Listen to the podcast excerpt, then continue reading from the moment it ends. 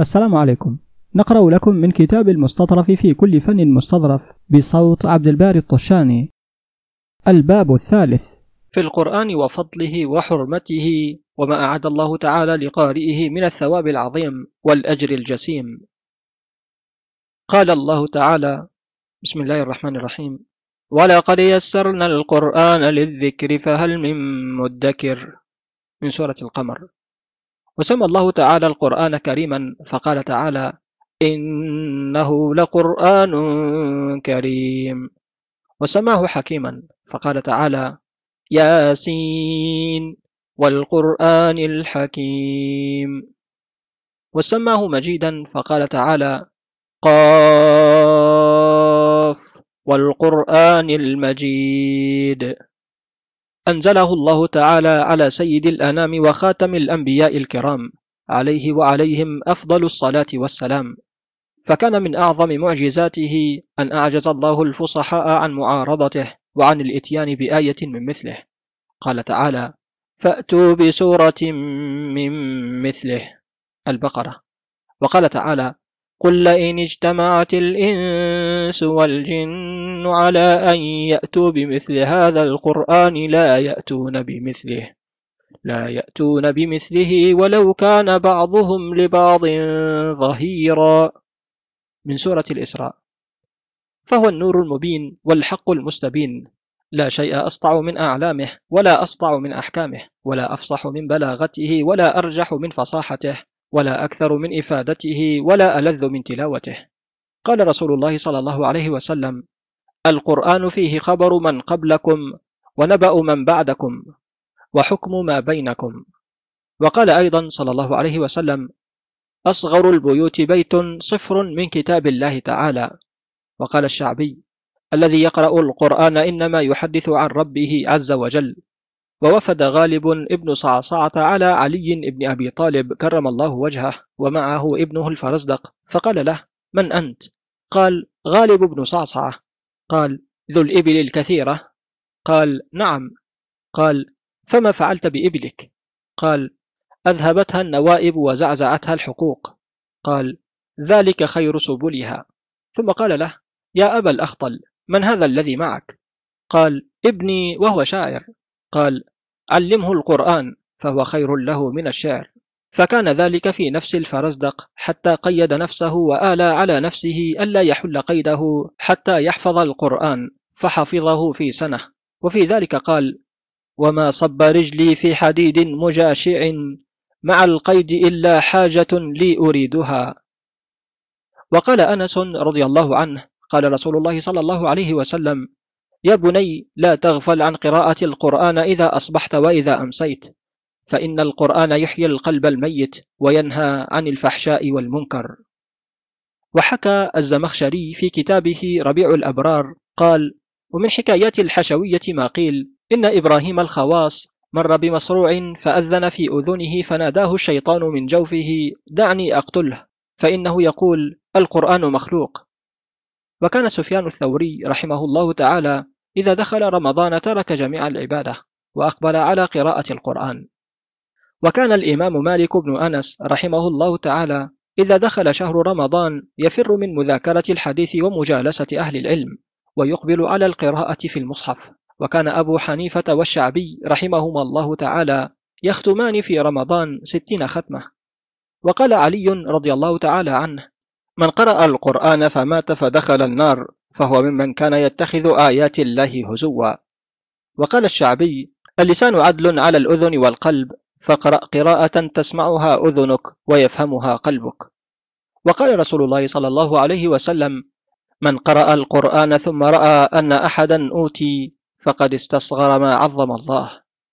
وعنه صلى الله عليه وسلم أنه قال إن القلوب لتصدأ كما يصدأ الحديد. قيل يا رسول الله وما جلاؤها؟ قال قراءة القرآن وذكر الموت. وقال عمر بن ميمون من نشر مصحفا حين يصلي الصبح فقرأ مائة آية رفع الله له مثل عمل جميع أهل الدنيا. وقال علي كرم الله وجهه. من قرأ القرآن وهو قائم في الصلاة كان له بكل حرف مائة حسنة. ومن قرأه وهو جالس في الصلاة فله بكل حرف خمسون حسنة.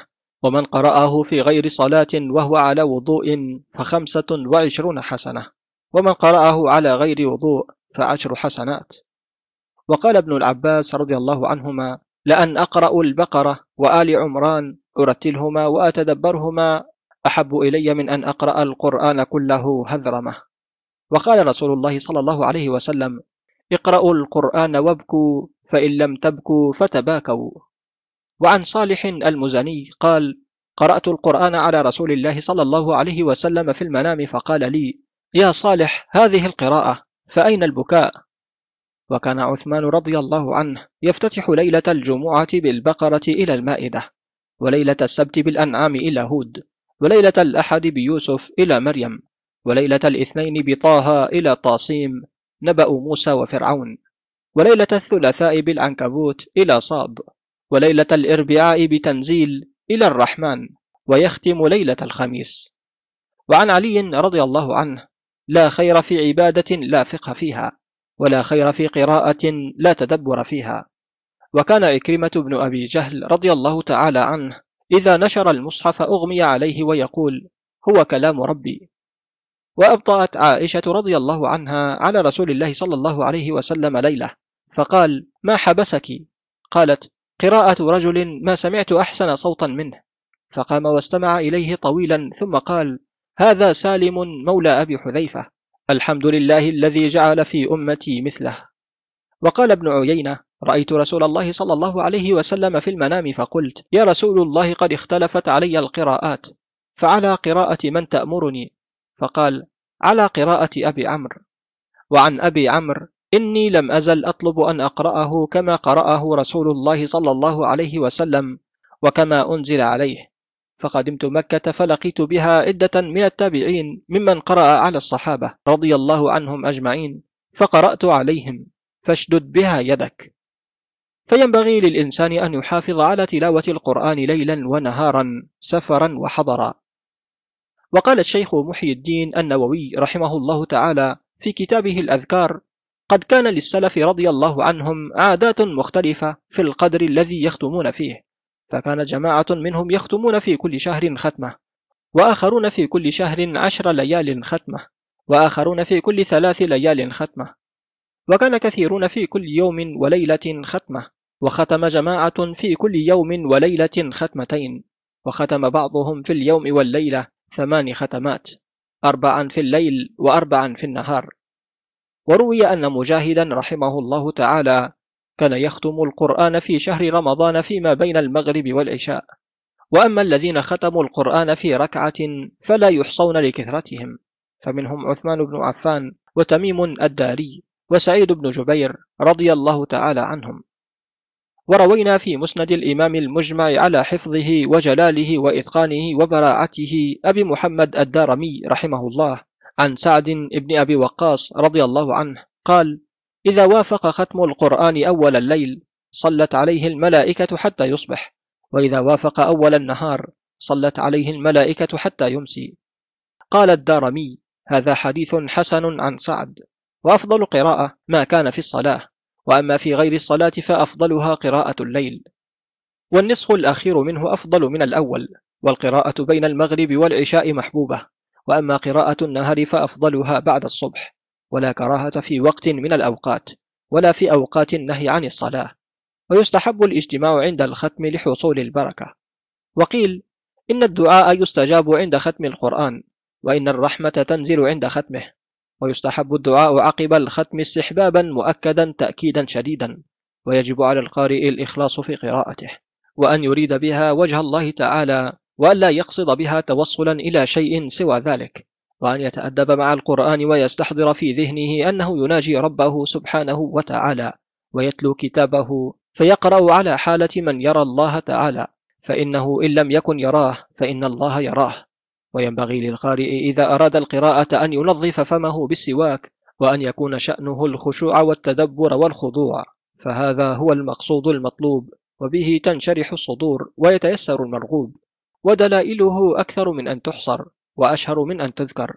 وقد كان الواحد من السلف رضي الله عنهم يتلو آية واحدة ليلة كاملة يتدبرها ويستحب البكاء والتباكي لمن لا يقدر على البكاء فإن البكاء عند القراءة صفة العارفين وشعار عباد الله الصالحين. قال الله تعالى بسم الله الرحمن الرحيم. ويخرون للأذقان يبكون ويزيدهم خشوعا.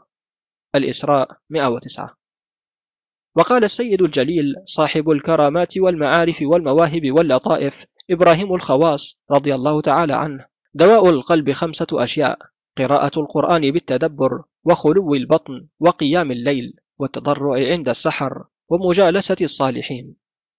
وقد جاءت آثار بفضيلة رفع الصوت بالقراءة وآثار بفضيلة الإسرار.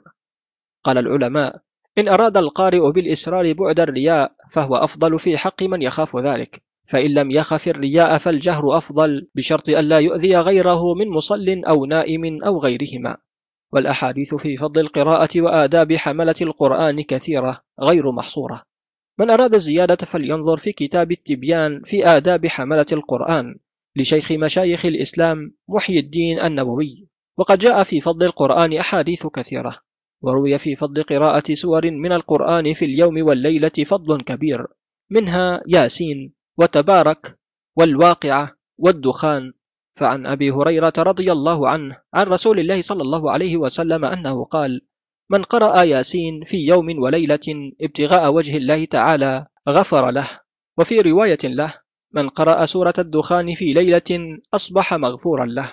وفي رواية عن ابن عباس وابن مسعود رضي الله عنهم سمعت رسول الله صلى الله عليه وسلم يقول من قرأ سورة الواقعة كل ليلة لم تصبه فاقة.